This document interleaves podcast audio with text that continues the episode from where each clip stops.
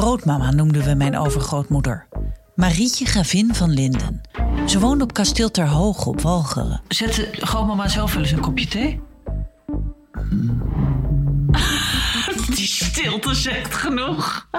Je hebt haar nooit een kopje thee zien zetten. Nee, dat deed Mina, denk ik. Mina Marinissen was haar dienstbode uit Koudekerken. Ze bleef altijd ongetrouwd en werkte hard voor haar mevrouw. Je kon bepaalde dingen wel eens merken dat ik dacht, doe je mond open. Ze kon geen kant op. Luister naar Mina en mevrouw. Een podcast van mij, Maartje Duin, voor VPRO's OVT, NPO Radio 1. Ter ere van 40 jaar Nacht van de Poëzie verzamel ik, Bianca Schrijver, buitengewone verhalen van gewone mensen in de podcast Nu je het zegt. Verhalen over veranderende vriendschappen, kleine heldendaden en ook over wachten op de dood. Ik bedoel, ik heb zeven jaar geleden dacht ik van ja, mijn pensioen ga ik niet halen. Omlijst met de mooiste optredens op de Nacht van de Poëzie hoor je elke aflevering één verhaal. Je moet er niet zo lachen, want ik... Luister nu je het zegt hier in je podcast-app.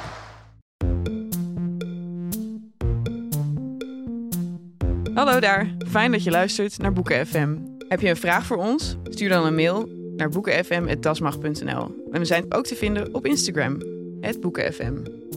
Wil je nou nooit meer een aflevering van ons missen? Abonneer je dan nu in je eigen podcast-app. En geef ons ook vooral een heleboel sterren en recensies. Dan zijn we ook zichtbaarder voor anderen die ons misschien willen luisteren.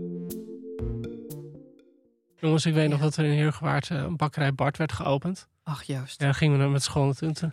Toen, had ik een broodje osworst gehaald. Nou, dat was, ik, weet, ik weet nog dat ik dat in mijn handen had. Was dat je eerste broodje? En ik, ja, dat was echt mijn eerste broodje ossenworst. En ik echt dacht van, mijn god, dit is gewoon... Je bent de cosmopoliet. Dit, dit is nu echt, dit is het leven. Dit is de 21ste eeuw. Maar om dan even de Bret Easton Ellis vraag te achteraan te stellen. Wanneer werd je blasé over dit broodje ossenworst? Hallo, fijn dat je luistert naar Boeken FM. En, eh wacht even hoor. Jezus, hoe doe jij het ook alweer, Charlotte? Hallo allemaal en welkom bij Boeken FM, de literaire podcast van de Groene Amsterdammer en uitgeverij Das Mag. We nemen op bij Dag en Nacht Media. We zitten zoals altijd in de studio van Dag en Nacht Media. Vandaag zijn we weer met z'n vieren. Eh, alle winterfeestdagen hebben we eindelijk opzij kunnen schuiven en we zijn weer aan het werk. Wat we het allerliefste doen. Eh, voor jullie, de luisteraars. Ook voor onszelf, want wij kunnen geen seconde stilzitten. Eh vandaag eh, hebben we het over... Gaan we dat nu al zeggen? Ja. het is even, even een verrassing, want laten we eerst, lieve mensen, jullie een gelukkig nieuwjaar wensen. Even in alle gezondheid. Ik kijk even naar de stralende koontjes van Merel, Joost en Charlotte. Hebben jullie een prettige jaarwisseling gehad? Ja. Ja, Ja, alle vingers er nog aan? allemaal. Nou, fantastisch. Fantastisch.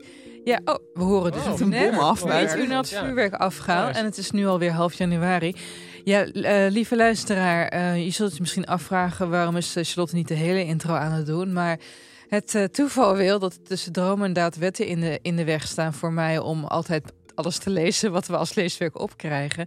En dit keer is het mij niet gelukt om tijd te hebben om de roman die we gaan bespreken te herlezen voor deze aflevering. En dat is gewoonlijk geen probleem, maar het is echt misschien wel twintig jaar geleden dat ik dit boek las. Dus ik ga even de hoofdtaak op me nemen. Maar gelukkig hebben wij hier Joost en Charlotte die hem van haven tot gort kennen. Welke roman gaan we vandaag behandelen, jongens? We gaan het hebben over Lesson Zero van de Amerikaanse schrijver Brad Easton Ellis. Waarom Easton eh, gaan we het hebben over Less Than Zero? Nou, Brad Easton Ellis heeft natuurlijk eigenlijk twee klassiekers geschreven. Twee van die boeken die in de ijzeren lijst van elke boekhandel eh, horen. Van die boeken die je eigenlijk bijna altijd wel, als je bij iemand op een feestje bent en je gaat in de boekenkast kijken, dan vind je voor mijn gevoel, het kan ook zijn dat dit heel veel over mijn vrienden zegt, maar voor mijn gevoel kom je altijd of Lesson Zero tegen of American Psycho. De enge mannen hoor, die Ja, het allemaal hebben staan. En dat zijn twee van die boeken die op een bepaalde manier. eh Lesson Zero is echt een sleutelwerk voor de jaren tachtig. Eh, gaat over nihilisme, over eh, jongeren die niet meer in de voetsporen van hun ouders willen treden, om het even vlug samen te vatten.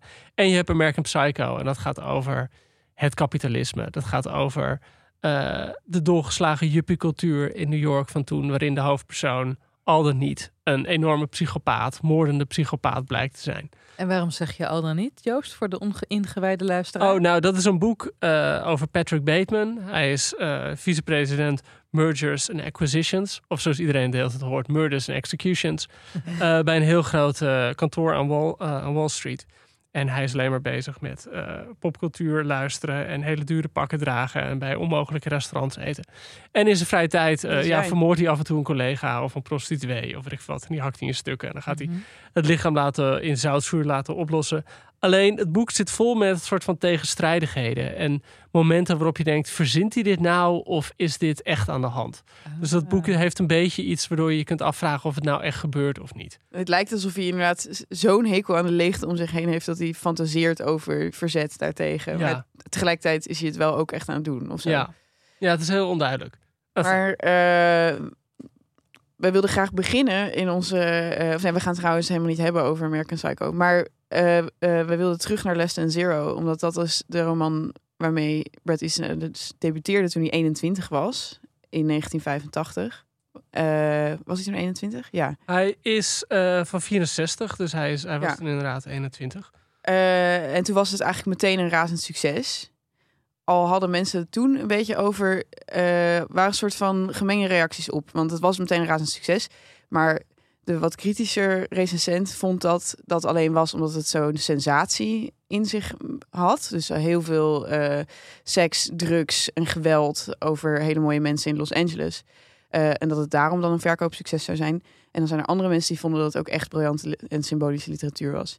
En het lijkt me interessant dat wij vandaag de vraag beantwoorden welke van de twee waar is. Nou, Charlotte, laten we dat gaan doen. Nou ja, eerst misschien eventjes terug naar eh Bret Easton Ellis. Hoe kan het dat hij op zijn 21ste debuteerde met zo'n succesvolle roman? Jij weet wel een en ander over zijn Ja, ik moet meteen erbij zeggen, eh, eh, soms, soms combineer combineer je het een met het ander. En dit komt de 25e online. We nemen het iets eerder op. En de 30 januari interview ik hem bij John Adams Instituut. Want hij is in Amsterdam. En zometeen kun je eventueel ook twee kaartjes winnen om daar naartoe te komen. Dus eh, stay tuned. Dus ja, stay tuned, weet je. Dus even een trailer, weet je. Hoe, daar gaan we. Hey, maar even heel even terug, want, want, want die Bret Easton Ellis, hè, lieve mensen. eh, wa- waar, waar hij ook deels beroemd om is, is zijn vriendschap met Donna Tartt. U weet wel, van de Secret History. Ze zijn ook naar dezelfde universiteit geweest, Ja. met z'n tweetjes. En op die universiteit was Donna Tartt altijd het wonderkind. En toen opeens debuteerde haar BFF Bret Easton Ellis. Hoe kwam die aan een contract? Nou, we hebben, we hebben het daar toen eh, over gehad toen we die aflevering over de Secret History maakten. Dat speelde zich af op Camden. Dat is een goede aflevering. Dat is ontzettend, ja, het- aflevering daar gingen we echt goed de diepte in. Lekker, ja. En ehm, ehm, dat speelde zich af in, eh, op, op Camden, heette het. Meen het echt was het Bennington. Bennington was een, of is, bestaat nog steeds, is een, een in Vermont een kleine liberal arts college. Wat bekend staat als de duurste universiteit van Amerika. Dus het collegegeld ligt Oh, het duurder hoogst. dan Harvard en dan Princeton. Duurder dan alles, ja. Dus het, het hoogste eh, inschrijvingsgeld. Eh, met als gevolg dat daar eigenlijk alleen maar kinderen naartoe gingen van ouders die heel veel geld hadden. Maar niet echt zeg maar zo academisch eh, toegelegd dat ze ook naar Harvard of zo hadden gekund. En er is, er is daar een paar keer zijn er hele mooie stukken over Weet je, het Luzak. Een beetje het Lusac College inderdaad. Ja. Ja, Eh, en Donna Tartt liep eronder. Bijvoorbeeld ook Jonathan Latham, een andere eh, eh, schrijver die heel succesvol is. En liepen allemaal erfgenamen rond. Nou, je kan je voorstellen, in de jaren tachtig was dat gewoon lekker feestjes, haartoeperen, kooksnuiven, Madonna luisteren. Eh, we've all been there. en ehm, hij was zijn vader. Hij, uh, Easton Ellis was opgegroeid in Sherman Oaks, een hele chique wijk in Greater Los Angeles. En zijn vader was Vastgoed. vastgoedontwikkelaar. Ja, en hij, Oh, hij heeft dat beschreven als dat het echt zo'n typische man was die hij op zondagavond zag. En dan de rest van de week was hij op kantoor ergens. En dan in het weekend was het gewoon van wie is die man die het vlees aansnijdt. Oh, zo'n soort man die je ook in de Real Housewives of Beverly Hills Ja, een beetje dit. Dat je denkt van, Ja. ergens, Ja. ze zijn er wel, maar Soort een Mauricio. soort, jet, ja, een soort yeti. Dat, we, we denken dat ze bestaan, maar je ziet ze nooit echt. Af en toe laten ze sporen achter. Ja. En ehm, het grappige was inderdaad dat Donna Tartt, dat is inderdaad wel mooi beschreven. Donna Tartt gold als het waanzinnig getalenteerde, literair, superbelezen, eh on, ongrijpbaar, elfachtige verschijning. Die nog niet gedebuteerd Die niet was. gedebuteerd was, maar iedereen had wel gedaan van ze werkt aan een boek. Ze werkt Een soort boek. ja, elf van de Wouden. Geweldig, ja. En toen kwam Brad Easton Ellis op zijn twintigste met opeens... hoi, ik heb een contract bij Random House. En eh, voor mijn debuutroman Less Than Zero. En iedereen was gewoon uit het veld geslagen. Het grappige is dat boek... De, hij schrijft er, hij heeft een memoir gepubliceerd een paar jaar geleden. White heet hij. En dan beschrijft hij dat er... Vijf, de eerste druk was 5000 exemplaren, wat niet heel veel Nee, is nee. voor Amerika. Eh, en dat ze echt dachten van, nou ja, als we de helft verkopen, is het leuk. Uh, omdat ze ook dachten van, ja, dit is nou niet het boek waar uh, volwassen recensenten helemaal weg van zijn. alleen toen kwam het bij zo'n hele jongere groep lezers terecht, die dezelfde leeftijd hadden als Bret Easton Ellis. En die gingen er meteen helemaal in mee. En toen werd het druk na druk na druk, verspreidde het zich enorm. Wat ook meehielp is dat heel veel allerlei van die conservatieve clubjes, van, vooral van die, van die uh, clubjes en van die uh, aan de Republikeinse partij gelieerde clubjes, die verzetten zich enorm tegen dit boek. Die konden niet mee omgaan hoe hij over drugs schreef en over uh, seks en over geweld. Respectvol. Terwijl het toch wel degelijk een soort afrekening is met dit soort. Nou ja, ja daar kunnen we het zo meteen over hebben. Maar op die manier, hè, het werkt natuurlijk heel fijn als je een boek uitbrengt en iemand gaat roepen: dit is moreel verwerpelijk. Want dan wil iedereen weten wat is er dan moreel verwerpelijk. Dus op die manier was het binnen de kortste keren uh, een daverend verkoopsucces. En werd ook meteen verfilmd. En viel het helemaal samen met dat tijdperk ook weer in MTV heel erg opkwam begin jaren tachtig. Dus Brad Easton Ellis was op dat moment ja, precies op de top van de golf surfde hij van de cultuur. Toen is hij na Bennington naar New York verhuisd. En terechtgekomen in iets wat we nu de Brad, of wat zichzelf de Brad Pack noemden. Ja, Brad, maar Brad dan niet. Uh, niet Brad, Brad als in Brad Easton Ellis, maar Brad als in een verwende kinderen. Ja, Ukkie. B-R-A-T. B-R-A-T. Maar er was ook tegelijk tijd was er een andere een ja, acteurs nee, Red Pack, toch? Of, de Red Pack. De Red Pack. Frank, Frank Sinatra. Dat is Frank Sinatra. Nee, maar er was ook tegelijk ja, weer... Een Brad Pack met van die jaren tachtig acteurs. Jonge acteurs. Dus Emilio Estevez en Charlie, Sheen. En oh, ja. Uh, een beetje dat groepje. Dus er kwam heel veel samen. Maar en, literaire en in die literaire zat hij vooral samen met Jay McInerney.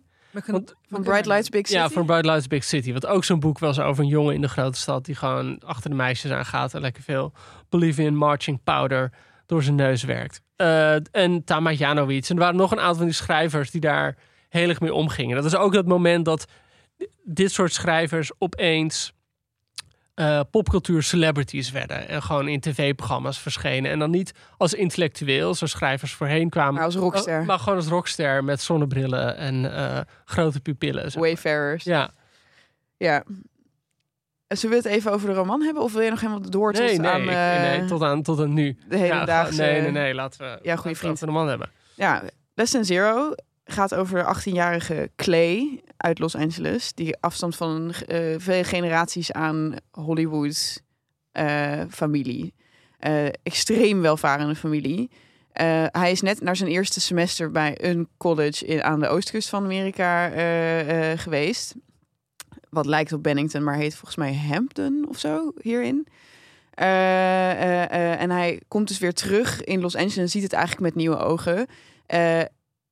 en komt terecht in een wereld van feestje na feestje na feestje met een reeks anonieme, lekkere wijven en knappe jongens. die een schijnbaar oneindige hoeveelheid cocaïne wegwerken. Um, en daarbij uh, niets voelen. Weet wel? Alles, er is overdaad, er is geld, er is seks, er zijn drugs, maar niemand heeft enige interesse in wat dan ook. Dus het is een soort groot portret van uh, nietsheid. Daarin zoekt hij een soort van steeds, zoeken die vrienden steeds grotere thrills op. Uh, en dat eindigt natuurlijk in gruwelijke tafereelen van ja, misbruik van een kind, overdosis van een 18-jarige. En dan beseft uh, Clay uiteindelijk van... Nou ja, hij beseft eigenlijk niks. Want hij maakt het allemaal maar gewoon een beetje mee. En hij zit dan tegen zijn psychiater te klagen. Maar die is ook niet aan het opletten. Dus nee, probeert bij hem zijn screenplay bij hem ja, te de, hè, Er is één moment dat Clay een soort van hè, wanhoop voelt... en beseft dat hij in een, in een onuitsnapbare situatie zit... en zegt, hè, what about me, what about me? Kunnen we het eventjes over mij hebben? Want ik ben eigenlijk doodongelukkig. Dat durft hij natuurlijk niet hardop te zeggen. Hij beseft het ook eigenlijk niet. En dan zegt zijn psychiater, Clay, don't be so mundane. Uh, het is zo saai om het over jezelf te hebben. We hebben het over feestjes en screenplays en seks en drugs en muziek en snelle auto's. En um, uiteindelijk besluit Clay toch terug te gaan naar, uh, naar de college, uh, waar het allemaal anders is dan. In ja, je hebt wel nog het moment dat Blair, zijn soort van vriendinnetje, ja. wel op een gegeven moment aan hem vraagt: maar heb je ooit van me gehouden? Weet je, zij, zij is nog op zoek, hij komt terug ja. Uh, van de universiteit. En zij is op, nog op zoek naar een moment waarin een soort van hun, hun vlammetje opnieuw opsteekt. Nou ja, eigenlijk is hij daar uit hem te krijgen van een van van he, geef toe dat je van me hebt gehouden of zo. En dat, hij kan het gewoon niet opbrengen. Hij zit achter die zonnebril gewoon. Hij kan het gewoon niet opbrengen om iets hard op te voelen voor haar. Ook al, ook al doet hij dat denk ik wel. Ja, gek genoeg heb je het gevoel dat hij dat wel doet. Nou ja, omdat hij het zo belangrijk vindt waar zij is de hele tijd. Een groot deel van de roman gaat over eh, nou ja, kinderen van 18 in hele snelle auto's die naar elkaar op zoek zijn. Omdat ze gewoon. Dit is ook heel erg zo'n pre-mobiele telefoonboek. Tegelijkertijd heel erg typisch Sally Rooney. Waar ben je? Ja, nee, Ja, ja, dat, dat is het ook een beetje. En wel de hele tijd dan boos als je vrienden er niet zijn. Eh, maar als ze er zijn, vooral niet laten merken dat je wil dat ze er zijn. Nee, Maar dat, Allemaal vrienden met namen als Trent en Rip.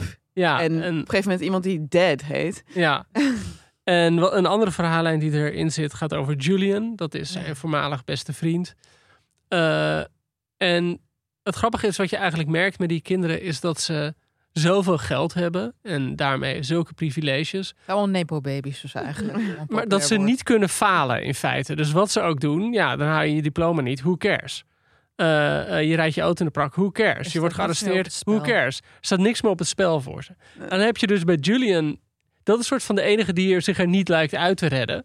Omdat hij niet genoeg geld heeft, Ja, blijkbaar. Ja, hij is inderdaad van. Je denkt van: oké, dit, dit is een soort van. eh, eh, Brave New World-achtig scenario. waarin iedereen alleen maar eh, met die oppervlakte bezig is. En dat kan alleen bij de gratie van het feit dat ze zoveel geld hebben. Dus op het moment dat Julian dat niet heeft, gaat het ook heel erg mis. Ja, dus langzaam komt hij erachter dat Julian als een soort eh, ja, gedwongen escort werkt... om eh zijn kookschulden weg te betalen. Ja, en dat, je voelt het bij al hangen of zo. Omdat Clay al het hele boek op zoek is naar Julian. En steeds vagere geruchten hoort van... Oh ja, nee, Julian was laatst wel op dit feest. Maar hij zag er heel slecht uit of zo. En dan blijkt hij helemaal niet op dat feest te zijn geweest. En het, eh, Julian is een soort spook. En dan op een gegeven moment komt hij hem echt tegen. En dan blijkt hij inderdaad gewoon prostituee te zijn. Ja, Eh, en weer, wederom, die kan niet de verleiding weerstaan om dan dat in het echt te gaan aanschouwen. Die gaat gewoon mee naar een hoerenloper en die zit ernaast. ja zit ernaast. Terwijl Julian zijn werk doet, Ja. is volkomen onbewogen, gaat weer weg. Ziet een lijk. Ziet een Ja. kindhoer. Maar over die kindhoor herinner ik mij, 20 jaar oud is. Ja. Dat, niet, niet de kindhoor, die is 12, maar 20 jaar geleden toen ik het las, dat hij daar juist wel enorm geschokt Ja, daar is na, na je geschrokken. weinige dingen. En Ja. eh, er zit een ander moment in dat iemand zegt... die hebben zo'n snuftape, dus een film waarop Ja. iemand wordt doodgemaakt. En dan zegt hij, dat hoef ik niet te zien. Mhm. En inderdaad, er is een, een meisje, een soort van gedrogeerd meisje... die Van daarna 12. 12. Ja. Dat je echt denkt, als je dat nu opschrijft... wordt dat boek niet uitgegeven. Maar eh, toen, toen mocht dat blijkbaar. Of eh, toen werd er anders naar gekeken in ieder geval. En daar wil hij dan ook niks mee te maken hebben. Het is ook niet dat hij dat meisje dan, zeg maar, meeneemt en naar huis brengt. Het is alleen dat hij gewoon zegt, dit wil ik niet. En dit is wel een soort van de meest eh, soort expliciete moment waarin wordt uitgelegd wat iedereen's morele kompas is in dit boek. Is het, is het moment dat Clay zegt van, hé hey man, had dit wel gehoeven, dit meisje van 12? Eh, Vastgebonden zeg maar, en gedrogeerd. en eh, is het wel, is het wel, is het wel oké? Ehm, I don't think it's right, zegt hij. Tegen zijn dealer, die dus Rip heet. En die zegt, hij zegt, what's right? If you want something, you have the right to take it. If you want to do something, you have the right to do it. En dat is eigenlijk het hele morele kompas van elk personage in, in dit boek. Zo van, je hebt gewoon altijd het recht Ja, om te pakken wat je wil, of zo.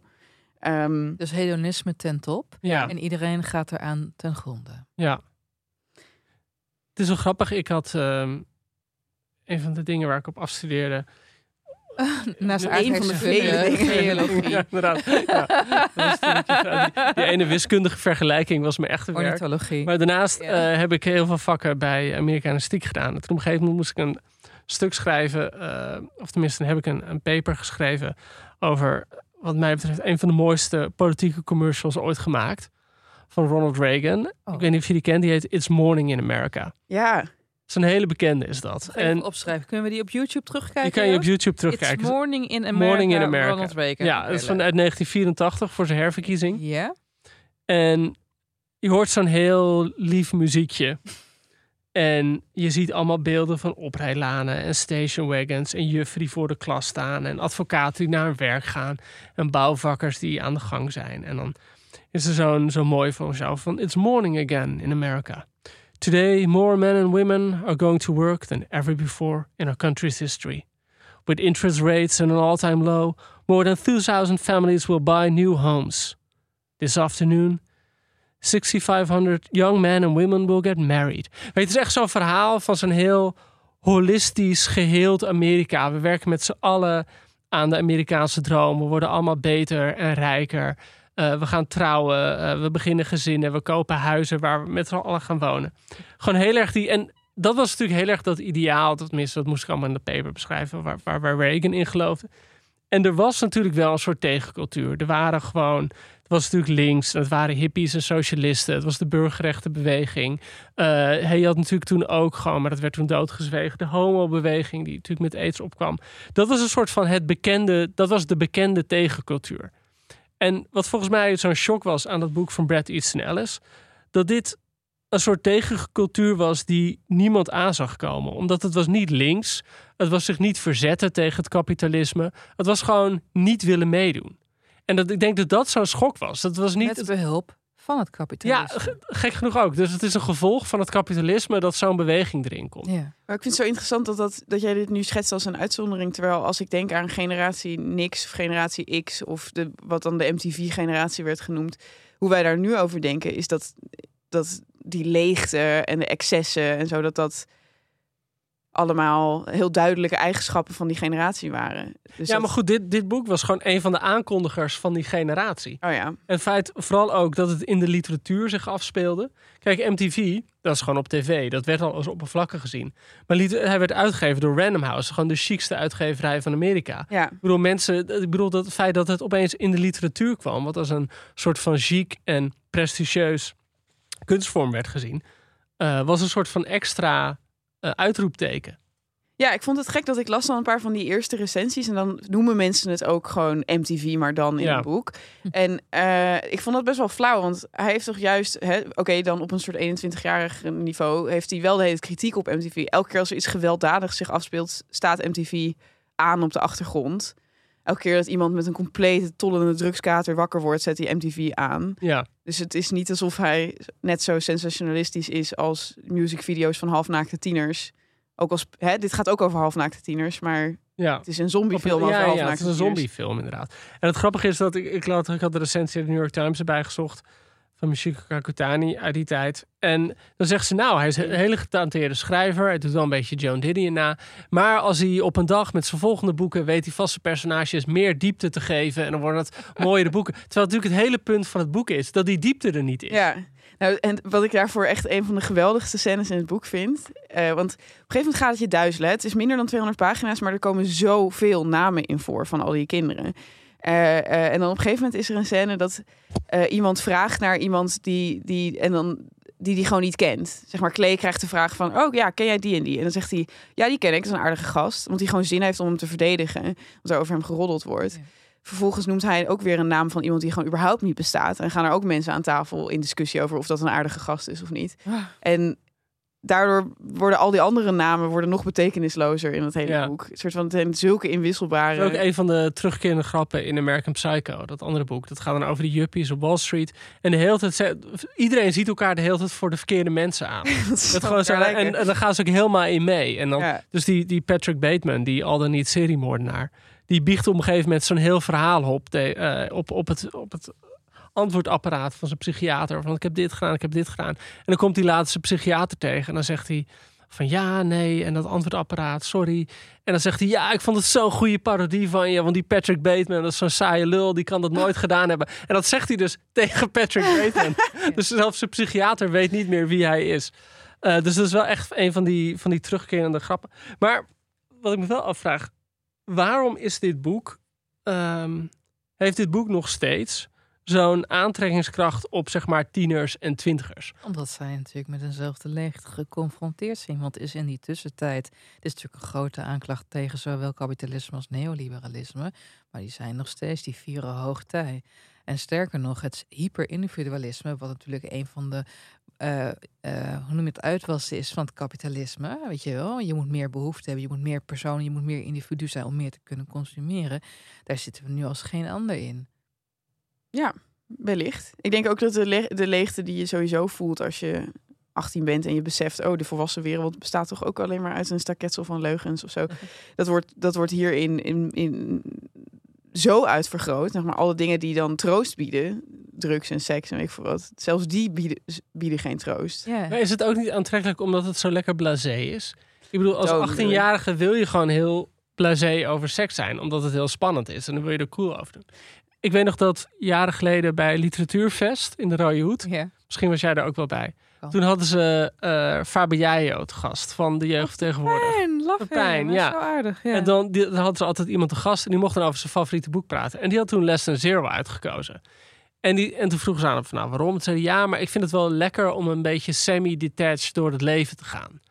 Dat je gewoon eigenlijk je zonnebril hebt en dat je niet echt committeert aan daar, alles. hij, daar bedoelde hij toen niet zijn zonnebril mee, Joost. Nee, nee. Ik, zo grappig, want Pepijn Lane is later echt zo'n ontzettende eh, een emo geworden. gezins, Van, ja, Weet jongens, Ja, ik het is alleen nog zit maar met mijn groene mokka thee. prinsesje op mijn bankje. Ja, nou, Ja. En breng nog steeds brood op het. En, eh, Eh, maar voor mij hoort dat er ook wel heel erg bij. Dat het gewoon zo cool is. Oh, het, het is ook heel cool, het boek. Ja, het is super, super sexy. Ja, het is ook Gewoon, heel sexy op een Deze, het zijn, manier. dus op een gegeven moment zegt iemand van... ja, ik ben al drie maanden niemand tegengekomen die ouder was dan 19. Dan denk je, wat een universum. Weet wel? Gewoon alleen maar bloedmooie tieners. Ah. Eh, ja, ik zou er nu niet, eh, niet meer heen willen. Maar goed, Maar we, we hebben het er nu eigenlijk over van het is, het is een lekker boek, het is een schokkend boek, weet je wel. Ja. Het is een stoer boek, maar is het ook een goed boek? eh, nou daar gaan we, het- hebben we het meestal aan het einde pas over. Ja, Wat ja, ik wel interessant vind, is, eh, is dus dat idee van. ehm, hij heeft natuurlijk onder begeleiding van zijn creative writing docent aan Bennington heeft hij dit geperfectioneerd. Eh, eh, en het schijnt dat de eerste versie in de derde persoon was en helemaal niet detached. Oh, interessant. Eh, en dat het heel erg, juist heel sentimenteel was. En dat het echt zo zijn tienerdagboeken waren, maar dan verhoogd en keer duizend. En hè, dus de band met zijn familie nam hij veel serieuzer. En toen opeens Het de had eerste dat beroemde Bret Easton Ellis detachment van eh, hij beziet de wereld en het doet hem niets. Eh, ook al weten we zelf allemaal dat het eh, object is of zo. Dat, eh, eh, dat, dat is er pas in een latere fase dan ingeslopen. Ja, Ja, want, want, dat kwam dus ook met die eerste persoon enkelvoud, meen ik mij te herinneren, wat ik Ja. heb gelezen over het boek. Dat daarmee dat echt die ontrichting pas heel erg in beeld werd gebracht. ja, want ik kan me ook voorstellen als het in de derde persoon is. In In de de alwetende vorm. verteller. Ja, die, die er dan zo. Dan is het bijna alsof het provocatief is ook de hele tijd. Dat je dan hij, hij doet dit, hij doet dat. Dan zit er al een soort van afstand in. En je krijgt een mededogen met de personages. Want weet je, ik, ik moest toen ik dit in de tijd las heel erg denken aan Catcher in the Rye, maar ook het andere werk van Salinger. Die, dat, en ook aan Fernie en Zoe. Hebben jullie dat gelezen? ja. Ja. Dat is volgens mij in de derde persoon Ja. eh, geschreven. En die personages zijn super cynisch en staan allemaal, zoals elke cynicus, op het punt om in janken uit te barsten, omdat ze gewoon terug naar de heimat Ja, ja, willen, geknuffeld worden door hun mami. Ik denk dat als die romans in de eerste persoon waren geschreven, het inderdaad veel meer dit, dit leger Ja. had gekregen. Wat ik ook interessant vind eh, is. Ik moest heel erg denken aan Los Angeles Notebook van Joan Didion. Joan Didion is ook een grote inspiratie voor Bret Easton Ellis. Ja, wat mij, wat mij nu opviel wat dat betreft trouwens. eh, ik heb hier een eh, uitgave en er staat een foto van hem op de achterkant. En dan staat er autophotograph Quintana Rue Dunn. En dat, dat is, Dat de, is de dochter, dochter van, van, Joan ja. Didion. Ja. Wijlende dochter Ja, de trouwens. vroege Ja. overleden dochter van. Eh, maar in, ik moest denken aan eh, Los Angeles Notebook, omdat daar staat dit in over de Santa Ana, de wind die af en toe waait in, eh, in Los Angeles. Uh, to live with the Santa Ana is to accept, consciously or unconsciously, a deeply mechanistic view of human behavior. En dan beschrijft ze in je essay over de Santa Ana, is dat eh, Los Angeles zo gebukt gaat onder de weersomstandigheden, dat eigenlijk elk menselijk gedrag, dat dus ook in, zij beschrijft dat echt als evil. Dus al die moorden die dan plaatsvinden in Los Angeles. Die allemaal te wijten zijn aan, aan het extreme weer. En dat zit ook heel erg in deze roman, denk ik. Hij heeft het altijd over de zon als een oranje monster. En als iets dat verschroeit. Er is op een gegeven moment echt een soort bijbelse regen die hele huizen mee de zee inneemt. Ehm, ja, maar hij heeft ook de helft van die scènes... en dat heeft hij wel echt één op één van, van Didion afgekeken. Zegt hij, before I left, the woman had her throat slit... and was thrown from a moving car in Venice. A series of fires raged out of control in Chatsworth, the work of an arsonist. A man in Encino killed his wife and two children. Four teenagers, none of them who I knew, died in a car accident on Pacific Coast Highway. Dus de hele tijd heeft hij van die opsommingen van... Ja, alsof het soort van dit soort geweld of dit soort ja, rampen eh, aan de orde van de dag zijn in Maar Los wacht eens even, dus, maar die natuur die jij dus zo net beschrijft, Charlotte, of daarbij citeert, dat is eigenlijk dus meer een totaal destructieve natuur. Ja, Ja, Hij ja. benadrukt dat element. Dat zegt, dat zegt. Joan Didion zegt ook: The city burning is Los Angeles' deepest image, image of itself. Dus in de verbeelding van Los Angeles zit altijd een soort van die angst voor het weer. Er wordt ook ergens in Less Than Zero wordt een man beschreven die zichzelf begraaft in zijn achtertuin omdat, hij, omdat het zo heet is. Omdat hij zo wil ontsnappen aan de hitte, zeg maar.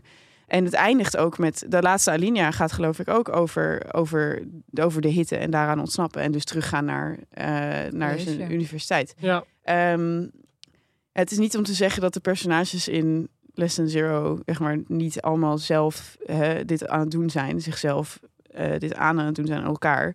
Maar ik vond het wel interessant wat zij zegt over dat het geweld en de onvoorspelbaarheid eh, van Los Angeles, dat die soort van voortkomen uit de geweld en onvoorspelbaarheid van het wind, eh, van de wind, van het Ja. weer. Mhm. Ehm, Wat ook, wat ook, wat ook, als je dit dan zo met betrekking tot die personages, het kan ook een smoes zijn om een bepaald soort verantwoordelijkheid af te schrijven. Ja. Van the water made me do it. Ja, nou ja, dat is dat, die, dat deeply mechanistic view of human behavior. Van Ja. ja. ze kunnen gewoon niet anders, want Los Angeles is nou eenmaal zo. Of vol zo. des verderfs. ja. Ja.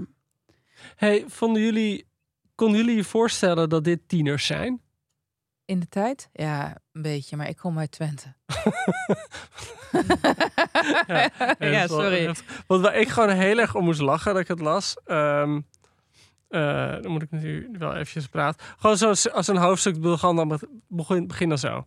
Rip calls me up and tells me we should meet at La Scala Boutique. Have a little lunch. A little chopped salad. Discuss a little business.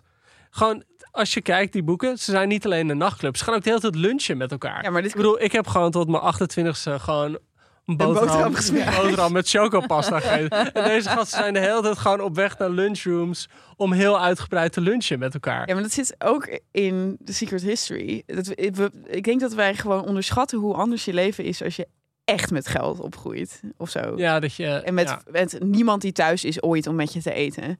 Ook trouwens. ja, dat zit er ook in. Hij komt natuurlijk, hij komt thuis van de universiteit en het eerste wat hij ziet is een leeg huis. Eh, zijn familie is allemaal ergens Ja, anders. Hij gaat volgens mij één keer met zijn vader ergens lunchen en die is dan alleen maar met zijn Ferrari bezig. ja, En zijn ja. vader draagt opeens een cowboyhoed.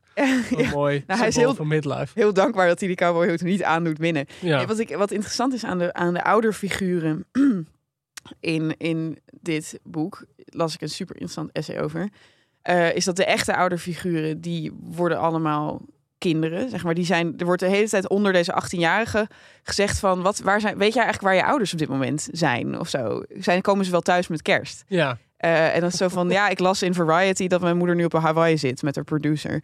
Ehm, dus de, de ouders worden, het wordt omgedraaid, zeg maar. En dat andere mensen dan in die lege ouderposities komen. De oudere dealers, de pooiers. En die presenteren zichzelf ook echt als papa-figuren, zeg maar. Eh, eh, en een, een soort vervormde versie van, van ouders vormen voor deze, voor deze tieners.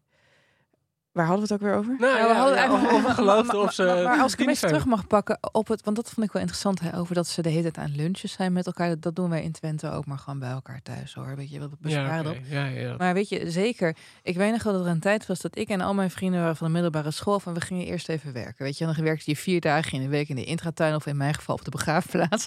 En dan had je één dag in de week vrij. En dan ging je gewoon je geld uitgeven, weet je wel. Ja. En zij deden dat aan drugs en ik deed het aan cola.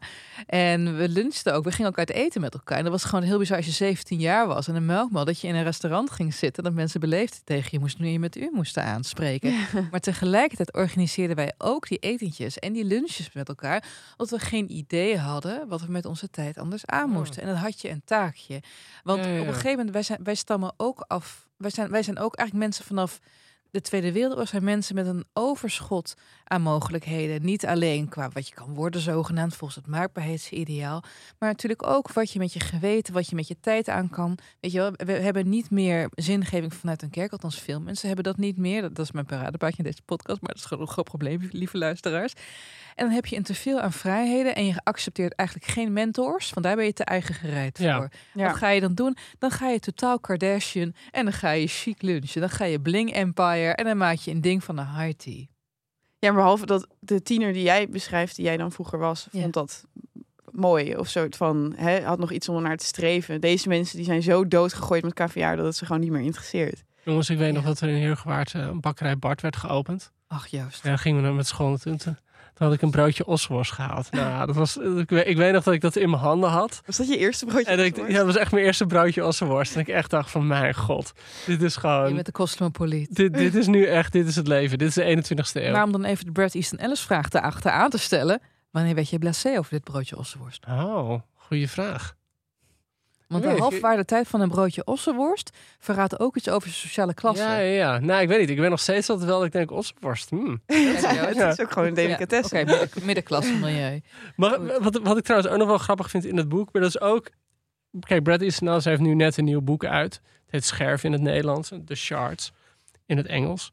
Eh, en dat ben ik nu aan het lezen omdat ik hem moet interviewen straks. En Mag interviewen, sorry dat ik hem mag interviewen blasé straks in het John gesproken. Adam Instituut. En ehm Hij is meer blasé hierover dan over een broodje ossenworst. ja, ja. ossenworst met ossenworst, joh. Ik ben nog steeds... eh, ah.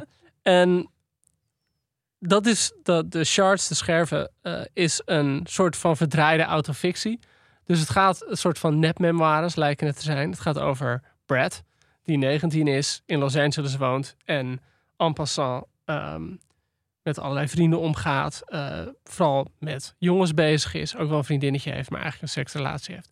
Met twee klasgenoten van hem. En en passant werkt hij dus inderdaad aan een boek dat heel erg op Les Zero lijkt. Dus het is een soort boek, een soort memoires over hoe hij dit boek heeft geschreven. Er zit ook een fictionele laag in over uiteraard een seriemoordenaar.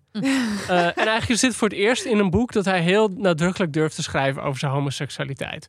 In al zijn andere boeken waren zijn personages altijd een beetje biseksueel. Eh, op zo'n manier dat het, dat het niks leek uit te maken, seks überhaupt. Bret Easton zelf heeft er altijd heel een beetje schimmig over gedaan als aan hem werd gevraagd van ben je homo of ben je hetero. En nou zei hij altijd dat het hem niet uitmaakte, dat hij geen naam wilde geven. Nou, op zich allemaal prima natuurlijk. Ehm, en hij vertelt dus, in dat, dat boek beschrijft hij ook, dat hij eigenlijk gewoon toen al heel erg gay was. Maar dat niet durfde te, eh, nou ja, gewoon niet durfde te uiten, het niet bekend wilde te maken. En dat voor hem Lesson Zero ook daar een uiting van is. Dat ging voor hem zo over het wegstoppen van zijn gevoelens, eh, dat hij eigenlijk bij zo'n nihilistisch beeld uitkwam. Dat vind ik zo interessant. Want En- ik had dat nooit zo gelezen. Als Nee, ik had het ook nooit zo gelezen. Maar omdat ik het nu ging herlezen met dit in mijn achterhoofd. Eh, kijk, Clay in Lesson Zero gaat met meisjes naar bed. Maar hij gaat ook met jongens naar bed. Het lijkt hem allemaal niks uit te maken.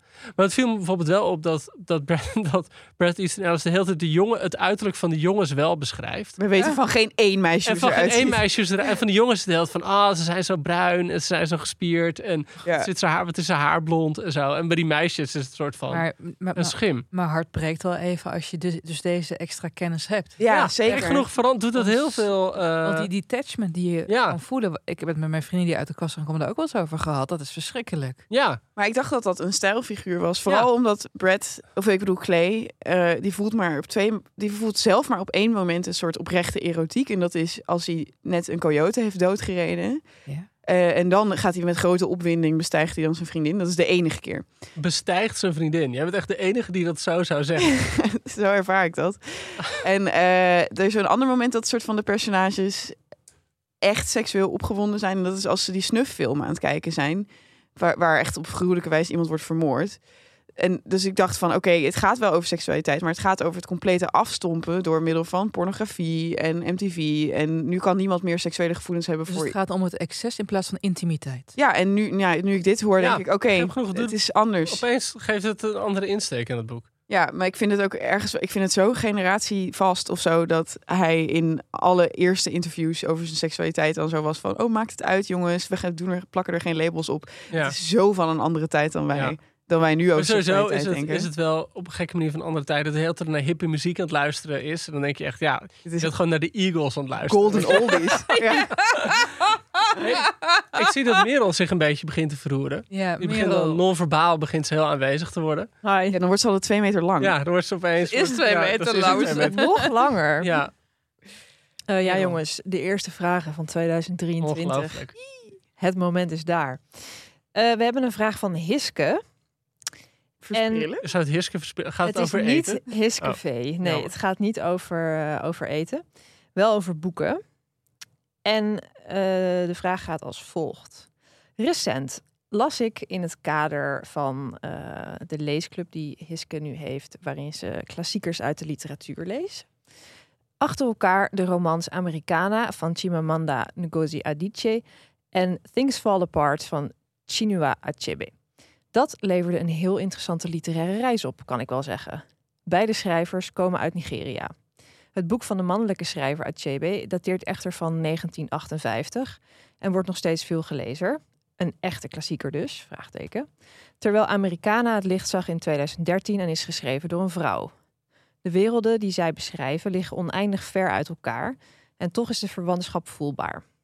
Ik heb van beide boeken ontzettend genoten en ben dan ook heel blij dat wij met onze leesgroep deze weg in zijn geslagen. Zeer verrijkend.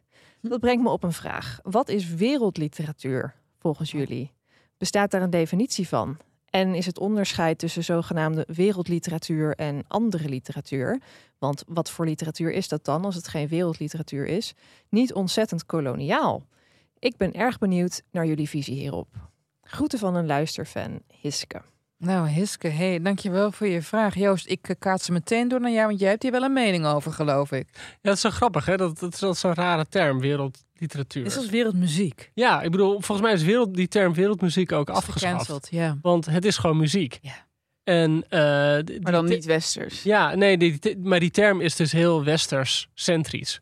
Eh, het idee het dat impliceert het impliceert dat, dat, eh, de muziek. hier- ja, of dat de literatuur zich in het Westen afspeelt. En, en de literatuur die zich erbuiten afspeelt, is een soort van periferie. Ik vind het wel interessant dat ze Adichie en Achebe als twee voorbeelden geeft. Want dat zijn wel twee mensen die soort van in de westerse traditie romans Nou ja, ik bedoel, het Things Fall Adichie is- Apart. Het is natuurlijk wel Afrikaanse diaspora, maar Adichie is Amerikaanse. Ja, en... En, eh, En eh, Achebe die, die is op een Engelse kostschool opgeleid. Weet wel, hij, eh, Ja, Things Fall Apart, die titel alleen al is een verwijzing naar The Second Coming, het gedicht van, van Yeats. Eh, Zo leuk dat je dat weet, Joost. ja, Center Cannot Hold. ja, dat is toch een heel bekend Love gedicht. it, jongens. Ja, Center cannot hold. The, the, the falcon cannot hear the falconer. Jongens, nu hoeven jullie niet naar mijn nieuwe podcast te luisteren. Poëzie vandaag. Dit is ook Precies. dit is het enige gedicht dat ik ken ongeveer dit. Eh, ehm, ja. Nee, goed, En dat dus- betekent niet dus, dat het... eh, Nee, maar dat- nee, maar ik bedoel dus eigenlijk dat, dat literatuur... Ja, god, het, klinkt laat wel al meteen- cliché, maar je- Het laat al meteen zien hoe moeilijk het is om de literatuur in te delen in wereldliteratuur en wat Ja, dan het tegenovergestelde het daarvan zou zijn. allemaal heel verbonden is met elkaar. Ja, de Afrikaanse diaspora schrijft voor een groot deel in het Engels. Dat komt door het koloniale verleden. Ehm, eh, maar ook door waar nu een heleboel mensen terecht zijn gekomen, namelijk in Amerika. Dat maakt niet dat dat dan per se Amerikaanse literatuur is of Afrikaanse literatuur. Nee, maar bijvoorbeeld omgekeerd kan je ook denken. Ik denk dat voor heel veel bijvoorbeeld Amerikanen en, en Engelsen en zo, als die eh, zo'n boek lezen als van Marieke Lucas Rijneveld, dat zich in een dorpje in Nederland afspeelt, dat vinden zij een soort wereldliteratuur. Exotisch. Want dat vinden ze exotisch. Want dat, dat speelt zich. Ik bedoel, hè, al woon je in New York, dan is iets dat zich afspeelt in een klein dorpje in Nederland. Dan denk je, oh, oh wat, wat een bijzondere rare plek. Voor mij ook wel Dus, exotisch. dus hoor. die hele term wereldliteratuur, eh, ja, dat is alleen afhankelijk van je standpunt. ja. En, en de mensen die zouden zeggen dat verhalen zoals van den Vos Reinaarde of Anansi de Spin, zou dat geen wereldliteratuur zijn? Ik weet, ik denk, hoe meer we het erover hebben, hoe minder ik begrijp wat wereldliteratuur is. Als ik dacht van, oké, het verhoudt zich tot literatuur zoals wereldmuziek zich tot muziek verhoudt, dan is het natuurlijk een soort onzinterm. Ja. Ehm, maar ja, het grappige is, kijk, je moet dan altijd zeggen, kijk, dat, dat Europa heeft een literaire traditie die heel erg op zichzelf gericht is. Eh, ook een heel redelijk exclusieve literaire traditie in de zin dat bij ons heeft het boek altijd bovenaan de voedselketen gestaan, de culturele voedselketen. In andere gebieden van de wereld was dat veel minder zo. Die hebben meer een orale traditie of die meer een ja, theatertraditie. Of meer een bedoelt Of meer, ja, nee, of, Ja. of een andere cultuur. Poëzie. Ja, hebben meer een Ja. poëzie-traditie. Moet ik wel bij zeggen, Joost, dat poëzie tot aan 1800 in Nederland ook boven. ja, tuurlijk. Ja, ja, ja. Belangrijk feit. Dus- waar wij ook weer naartoe Nou, goed om te weten. Ja. Fun fact, even tussendoor. Ik heb Oh, even de ja. definitie van wereldliteratuur opgezocht. Nou, En eh, Wikipedia zegt, fijne journalist. zegt eh, ja, ik ben goed bezig hoor. Wereldliteratuur is een term die door de 19e eeuwse Duitse schrijver Johann Wolfgang von Goethe is bedacht om literaire Oh. werken aan te duiden die erin zijn geslaagd om de eigen nationale en taalkundige grenzen te overstijgen. Dus universele literatuur. Ja. Ja, maar zo- wordt die term volgens mij weinig gebruikt. Maar Ja. zoals Ja. Goethe dan zegt, is het dan meer de universele literatuur. Oh, maar dat, misschien bedoelde het- onze brievenschrijver ook dat wel gewoon. Boeken Nee, die de grenzen overstijgen. Nee, toch? want ze hadden specifiek, je had het specifiek over de koloniale... eh, Ja, oké. Maar dat zijn toch in feite dan boeken die soort beyond grenzen zijn of zo. ja, Ja, want Goethe zag het dus als een modern en nieuw fenomeen, weltliteratuur. Als gevolg van het feit dat de literaire markt internationaal werd Ja, wat met een grappig, verhoogde circulatie van teksten uit andere talen en Dat was namelijk helemaal niet vanzelfsprekend in die tijd. Het was echt een gesloten systeem. Ik ben dus nu bezig met het schrijven van een boek over... Dat is een van de redenen dat ik me ook niet goed weer heb heringelezen voor deze podcast. Met een boek over Herman Gorter. En, als je Herman, eh, en daarvoor heb ik me ook verliefd in zijn vader... Simon, die een soort van briljante man was, briljant dichter, literatuurbeschouwer. En hij schreef op een gegeven moment ging hij met zijn gezin, hij had tuberculose, zoals elke zichzelf wat eh, respecterende letterkundige in die tijd. En toen is hij met zijn gezin dat hoort er wel echt bij. Hè? Ja, hoort erbij. Een soort van Ergens in- HPV van... eh, ja. ja. Ook meer van jullie tijd hoor, HPV. Toen is hij ergens in de jaren 60 van de 19e eeuw... is hij een tijdje met zijn gezin in Frankrijk gaan wonen. In Parijs aangedaan, Bordeaux. Omdat het beter was voor zijn longen. Nou, toch, ging hij- toch, toen was hij aangesterd. Toen ging hij terug naar Nederland. Dom plan, hartstikke dood. Maar voor hij dood ging, heeft hij een boek geschreven... over zijn tijd in Frankrijk. Dat werd een bestseller in Nederland. Want iedereen wilde weten hoe het daar in het mysterieuze... exotische Frankrijk was. Het was alsof je over de planeet Mars schreef in die Ja. tijd. Dus ik kan me wel indenken dat Goethe in die tijd gewoon heel erg onder de indruk was van boeken die de eigen cultuur overstegen. Ja. Nou ja, en kijk, het, stomme is met literatuur is natuurlijk dat je een goed boek voor je gevoel altijd overstijgend is. En eh, of je nou een boek leest over iemand in de, de Gulag-archipel, of je leest eh, iemand als eh eh, Achebe die in een, een pre-onafhankelijk Nigeria leeft. Ik bedoel dat je als lezer het leest en mee kunt gaan in dat verhaal waar je ter wereld dat boek ook leest. Ik bedoel, dat is dat universele wat je natuurlijk altijd zoekt ook. Ja, maar ligt dat niet ook? eh, ligt dat niet ook? Je, je weet nooit zeker of je aansluit op die cultuur als je het leest. Als ik het bijvoorbeeld vergelijk eh, met, met, met boeken uit de middeleeuwen. De middeleeuwse mensen verschilden echt van dag en nacht met de moderne mensen. Toch zeggen mensen van, oh, we herkennen ons erin. En ik heb wel eens bijles gegeven. Ik heb, ik heb zelf een bachelor in middel-Nederlandse literatuur. Dat mensen met duidingen kwamen die totaal anachronistisch waren. Dat je, van, je hebt er geen snars van Ja. begrepen. Dus in Hm. hoeverre is, is het dan maar de vraag, is het overstijgend? Oké, ja, dus dan zo? zou, dan zou een, eh, een boek dat dan onder wereldliteratuur valt, zou dan een boek zijn dat zich, op zichzelf al dit soort dingen overstijgt. Dus niet alleen van het kan gelezen worden door iedereen, maar het kan ook echt begrepen worden door iedereen of zo. Ja, Weet je, zullen we het gewoon ophouden, lieve mensen, dat er gewoon literatuur bestaat? ja. De wereldliteratuur Ja. gewoon afschrijven? We leven op Ja. de wereld en er is literatuur. Nou, maar ik ben blij om te horen dat Hiske en haar boekenclub Ja. van verder kijken dan, Superleuk. dan de ja. kanon die wij gewend zijn ja. of zo. Dat eh, is alleen maar aan te moedigen. Zeker. Goed, Hiske. Hadden we nog een vraag? Ik heb nog een vraag van Petra. Hi Petra. En Petra die heeft vorig jaar haar voet gebroken. Oh, fuck. Heel sad. Wat En is er gebeurd? eh, dat weet ik eigenlijk Oh, jammer. Het is altijd zo'n leuk verhaal. Het kan Nou, zo of van- niet. Nee. Ja, of niet, Ik ja, denk niet dat het een heel leuk verhaal is. dat, eh, Mijn- toen mijn nieuwe laptop kapot viel op mijn voet. Ja, was dat geen leuk Geen leuk verhaal. Mm. Ja. Maar eh, Petra gaf aan dat ze eh, toen, toen ze thuis zat met haar gebroken voet, dus dacht: Oh, nu heb ik veel meer tijd en zin om te lezen. Dus nu ga ik allemaal boeken lezen. Maar ze kwam erachter dat er concentratie op dat moment veel minder was. En dat ze dus liever een podcast ging luisteren. Puntje, puntje Boek FM. Ehm, en ehm, ze vraagt dus eigenlijk: eh, als je zo'n periode hebt van mindere concentratie, moet je daarna, als je weer wil beginnen met lezen, ehm, eh, weer met bepaalde boeken beginnen? Of eh, maakt dat niet uit? En kun je gewoon meteen Dostoevsky oppakken, bij wijze van spreken. Eh, en ze vraagt, hebben jullie goede boeken eh slash leestips voor als je in zo'n periode zit van mindere concentratie? We hadden het hierover en we waren tot de conclusie gekomen dat Charlotte daar een heel goed, goede tip voor had. Oh, kijk, ja, mijn Mhm. eh, tip hiervoor is herlezen. Tenminste, dit doe ik altijd. Jij bent net ziek geweest. Jij bent ook toen dingen gaan lezen die je niet voor het eerst las, neem ik aan. Was je ziek? Ja, hij was een beetje griepig. Oh, Ja.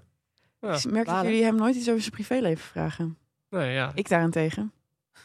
Maar jij googelt hem vooral voor Ja, ja, ik ben altijd Joost aan het ja, googelen. Die, die Google alert van jou Ja. die zegt. Ja. Ehm, het viel wel mee hoor, Merel. Je hoeft niet Oh, helemaal gelukkig. bezorgd naar me te kijken. Ik was Oké. een beetje snotterig. Oh. Ja, stelt niks voor. Toen ben jij ook niet allemaal nieuwe dingen gaan lezen, toch? Ja, ik ik was gewoon twee dagen thuis. Het is niet zo dat ik niet dat ik nu voorkomen alsof ik in een sanatorium in Zwitserland. Corona. Van Toverberg. Dat, ja. Nee, ehm, eh, nee, dus in, in mijn geval heb ik eh, gewoon dingen gelezen die ik nog niet gelezen had. Maar ik ben het wel helemaal met je eens. Dat is vaak als je een vakantie begint.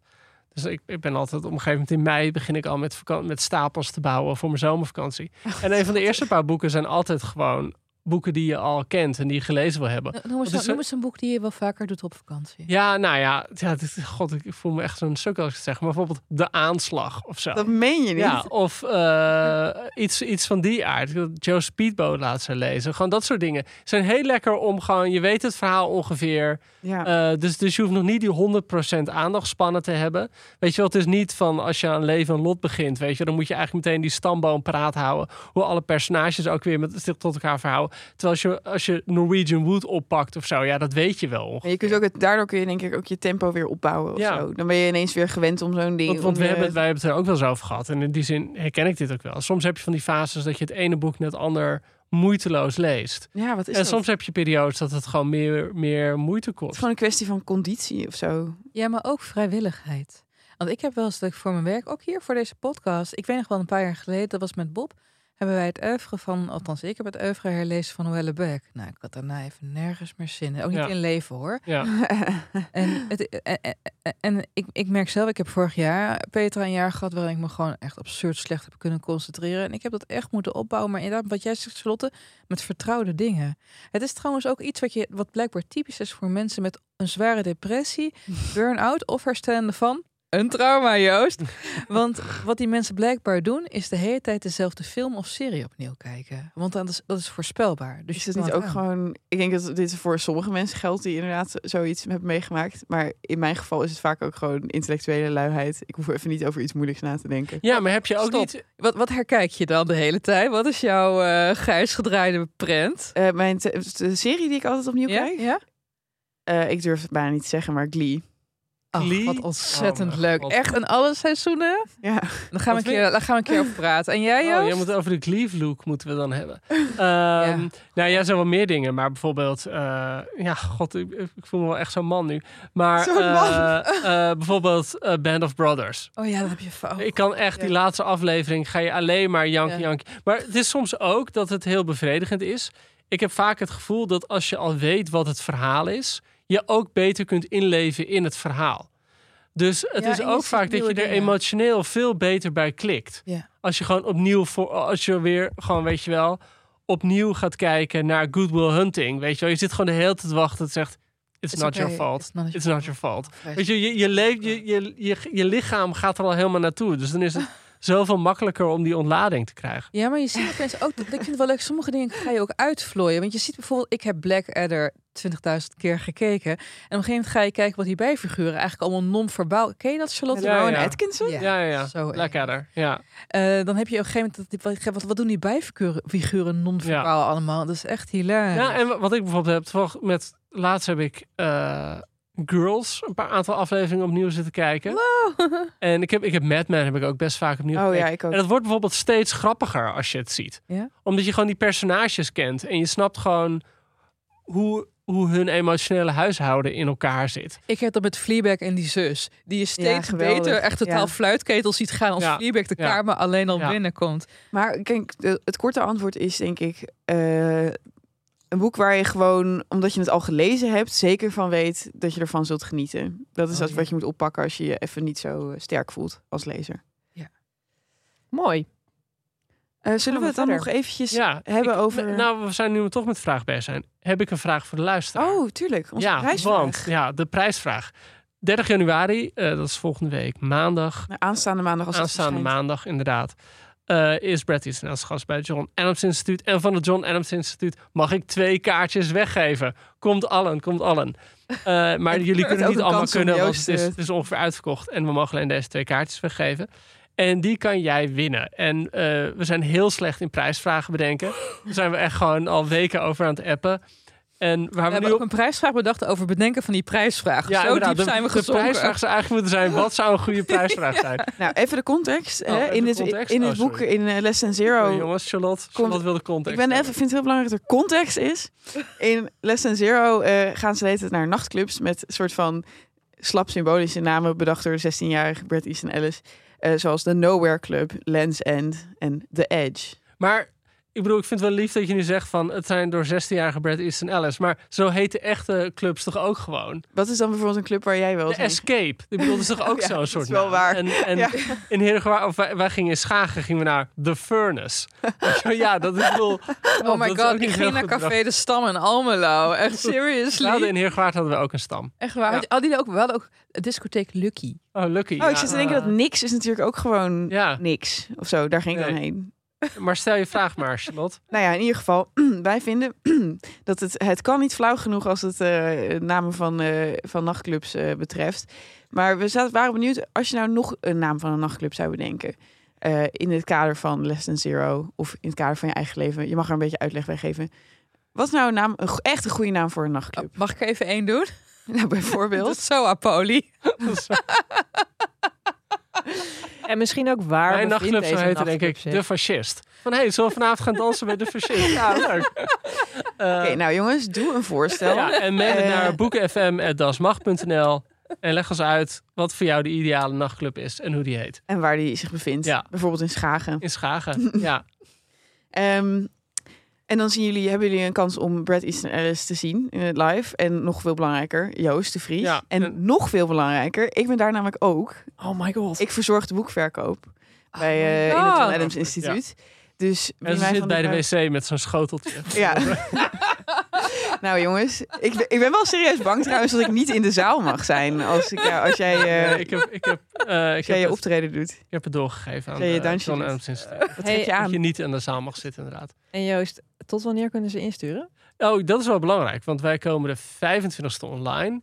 Ja. Eh, en het is natuurlijk de 30ste al. Dus laten we zeggen dat je tot zaterdag de 28e kunt insturen. Ja, Tot. Tot, Ja, en tot en met. Nee, tot en met, Tot en met. De, zaterdag. de nacht ja. van zaterdag op ja, zondag, en zondag dan kiezen we de winnaar. sluiten ja. de hekken. Ja, oké. Je weet het dus helaas ook pas echt de dag van tevoren Ja. of je gaat. Ja, Maar hou hem vrij. ja. Ik Als je- zat te denken, moet ik verkleed gaan als Patrick Bateman? Dus gewoon Ja. in zo'n zo'n Ja. Na? uniform met gewoon zo'n jaren negentig... eh, zo'n jaren negentig krijtstreeppak aan en allemaal bloedvlekken over mezelf heen. Zou dat, zou dat een Ik leuke... weet niet of dat subtiel genoeg is. subtiel, misschien. Misschien moet je alleen je Wayfarer opdoen. Ja, oké. ja. Dat is de zonnebril die... Ja, geen, gewoon alleen maar zo naar de grond kijken. Die en iedereen op whatever zeggen. Oké, Ja, even terug oké. naar het boek, jongens. Ehm, laten we het even hebben. Vonden jullie het goed? Vonden jullie het slecht? Eh, of vonden jullie het less than zero? Wat vonden wij ervan? Hier zit ze al een uur op, hè? Dat zie je aan de gezicht. Glunder, glunder. Ja. Het grappige is, het is verfilmd. Eh, Ik heb alleen de trailer gezien, ja, maar... het zo'n jaren tachtig is het verfilmd met, met eh, Robert Downey Jr. die dan een 18-jarige speelt, terwijl hij er gewoon uitziet als 50. Ja, echt? En, ze, hadden hem niet eh, eens ja, even, echt ze hebben hem niet eens even geschoren voor Nee, die nee, nee. het is Dawson's Creek met Dawson. Nou, hij hoort dus... Hij hoort die Julian te spelen, die een Ja. soort elfachtig... Ja, Door Timo- Timothée Chalamet gespeeld moeten worden. Ja, hij zou inderdaad... Hij hoort een soort complete haarloze, eh, gouden... eh, eh, soort van Tinkerbell van een jongen te zijn. Eh, in plaats daarvan is hij een zwaar behaarde Robert Downey Jr. ja. Ook Eh, en die film is dus ook heel moralistisch. Ik bedoel, die film is heel van... hey jongens, geen drugs doen hè, kom op. Weet je wat je niet moet doen? Drugs. Nee, nee, nee. Niet te hard rijden trouwens ook. Ja. Terwijl deze, dit hele boek gaat over En die, die, 2 gram kooksnuiven en dan heel hard rijden. Ja, en die, die trailer, als je die ook gezien hebt, er zit echt zo'n fragment in dat Blair dan met Julian en Clay zit. En van, ja, we zijn weer samen met z'n drieën. We zijn goede my vrienden. best friend. Ja, ja heel pijnlijk. Terwijl Clay zou echt liever doodgevonden worden dan, Ja, dan ooit iemand zijn best friend noemen. ja. Ze heeft iemand het boek niet goed gelezen. Maar vond jij dat moralisme ook ergens in het boek zitten? Eh, vond ik het moralisme in het boek zitten? Nou ja, Ik ben helemaal Frans van Dunschoten bij André van Duin aan het gaan deze aflevering. Ja. Echt, is dit het afkicken van de Pepsi of zijn die vandaag extreem grappig? Eh, ja, New Year, New Me. Ja, ik, ik heb voorgenomen eindelijk gewoon een keer de comic relief te zijn in de Oh, podcast. Jullie, jullie zijn ook van jullie downers afgelopen. Zo scherp, wat is dit? Anyway, vond ik het moralistisch? Nou ja, ik denk sowieso of zo. Want het is toch een kritiek? Ja, het kan bijna niet anders dan dan... Het is geen verheerlijking van dit wereldje. Nee, want op een gekke manier... aan eh, Gimmick van Joost Zwageman. Was onze eigen Zwageman. Door, door geïnspireerd. En dat was, denk ik, nog veel meer dan dit boek. Was het een verheerlijking van... Ja, maar bij Gimmick van jouw Zwageman, wat ook op zich wel leuk is om een keer over te praten. Eh, daar zit natuurlijk zo'n heel duidelijke laag in van hij doet stoer, hij doet oppervlakkig, maar eigenlijk heeft hij gewoon een gebroken hart omdat zijn vriendinnetje Sammy bij hem weg is. Dus bij, bij Gimmick is het heel nadrukkelijk iemand die een soort grote mond opzet, Ja. omdat hij eigenlijk eh, een heel klein hartje heeft. Ja. Maar ik vond het in ieder geval, hij heeft niet tot in het extreem, tot in een absolute soort van gore excessen doorgetrokken. Want het is ook, maar blijft ook maar gewoon Nederland, ja, dan dat niet Los Angeles. Ja. En hiervan heeft hij, hij heeft er zo'n karikatuur van gemaakt. En hij heeft er zoveel gothic elementen ook ingestopt. Met, hè, er is op een gegeven moment een weerwolf. niet echt hè? natuurlijk. Ja. Maar er zijn allemaal dieren, een salamander. Ja. Eh, het, is, het is een soort van Maar de hel grappig- of zo. Grappig, Joost en Charlotte. Want met inderdaad, nu, nu we dit ook weten, dat het gewoon een verkapte in de kast zit roman. Dus weet je, al die Victoriaanse elementen. Het gaat Ja. natuurlijk ook alleen maar om seksuele onderdrukking. Ja, Ja, ja nou gewoon echt het, onderdrukken van gevoelens. Het zit überhaupt hele roman ja. in een nieuw kaarslicht. Nou, het is in ieder geval eh, eh, waar ik heel dankbaar om ben, is dat het niet eh, expliciet moralistisch is. Dat is namelijk ongeveer het ergste wat er bestaat. Nee, ja, dus dat, dat eh, ik weet nog wel met dat, dat eh, hij dat vertelde hij over American Psycho. Dat hij ook zei: het hele boek zou mislukt zijn als je één keer een fragment heeft. Eh, als er één keer een fragment in zit waarin Patrick Bateman terugblikt op zijn jeugd en geslagen wordt door zijn vader. ja. Weet je, wel, je mag geen verklaring geven, dan verpest je het gewoon. Ja, dat vond ik ook dat- eigenlijk het zwakste in deze, in deze roman, vind ik, de flashbacks naar zijn stervende oma. Er zitten een paar van dat soort flashbacks Ja, in. Dat hij ook met zijn kankerdood. Ja, ja, zusjes, ja. dat hij in de, in de tuin aan het spelen is. En dan denk je echt, hè, bah. Ik Ja. vond jou veel leuker toen je alles al zat was. Maar, Maar, dat ehm, gezegd hebbende, ik ja, moeten we, wil nu moeten we ja, afronden? we moeten afronden, Oh, we ja. moeten afronden. Dus ik ga het nu maar gewoon een cijfer geven. Oké. Eh, voor wat het is, vind ik het gewoon een dikke tien eigenlijk. Oh. Ja, ik ga, ik ga, je, je gaat niet de eerste aflevering van het jaar al een 10 geven. Oh ja, kut, ik zou het beter doen. Echt overtolerant, man. Ongelooflijk. Nou, het gekke is, het is gewoon een heel irritant boek. Het is geen literair meesterwerk in de zin eh, hoe het geschreven is, wat de scènes zijn. Ik bedoel, het is meer wat je, wat je beloont, is meer het statement. Ja, maar je Eh, lacht je ook helemaal dood, toch? Het is gewoon heel geestig. Ja, nou ook ja, heel ik, vaak. ik- ook, ik vind het ook niet heel vaak heel geestig. Ik bedoel, ik vind het een, een goed boek omdat het, omdat het. Ik vind dat statement heel goed, maar ik vind het niet een goed boek dat je denkt: Goh, wat is het mooi opgeschreven? Wat een eh, originele personage. Ja, goed, maar daar gaat het ook niet om. Nee, het gaat ook niet om originaliteit. Dat is ook het hele probleem. Het is misschien een trucje. Laten we zeggen een gimmick. Ja, Ehm, maar het is wel heel geslaagd of zo. Ja. En, en er zijn sindsdien nog een heleboel van dit soort dingen verschenen die er niet aan kunnen tippen. Dat ben ik wel met je eens. Dus Ik bedoel, daarvoor vind ik van geen het van die- genre. Die, die, Brad Pack boeken die er toen verschenen zijn, die allemaal gaan over snuivende fotomodellen die je leven niet eh, in de ogen kan kijken. Is dit eigenlijk de beste? Ja, Dus Vandaar. jouw cijfer is vandaar mijn tien. Een 8. een 8. Ik onthoud maar even. Ik moet het daarvoor echt herlezen. Dus ik zeg het is een 9 gemiddeld. Wanneer zijn wij de volgende keer weer, Over Merel? twee weken. Over twee weken? Over twee weken. Wat gaan we doen? Mogen we dat al zeggen? Weten we het al überhaupt wat we gaan doen? Ja, wij weten dat natuurlijk wel, maar we zeggen het. We zeggen We het nog niet. spoilen niks. Oh. Dan gaan we hem Eh. afronden. Jongens, grote dank. Charlotte, mijn lieve gunsteling. Joost, mijn kalfsvlies. En Merel, grote dank. En jullie lieve luisteraars. ook bedankt. Tot de volgende keer.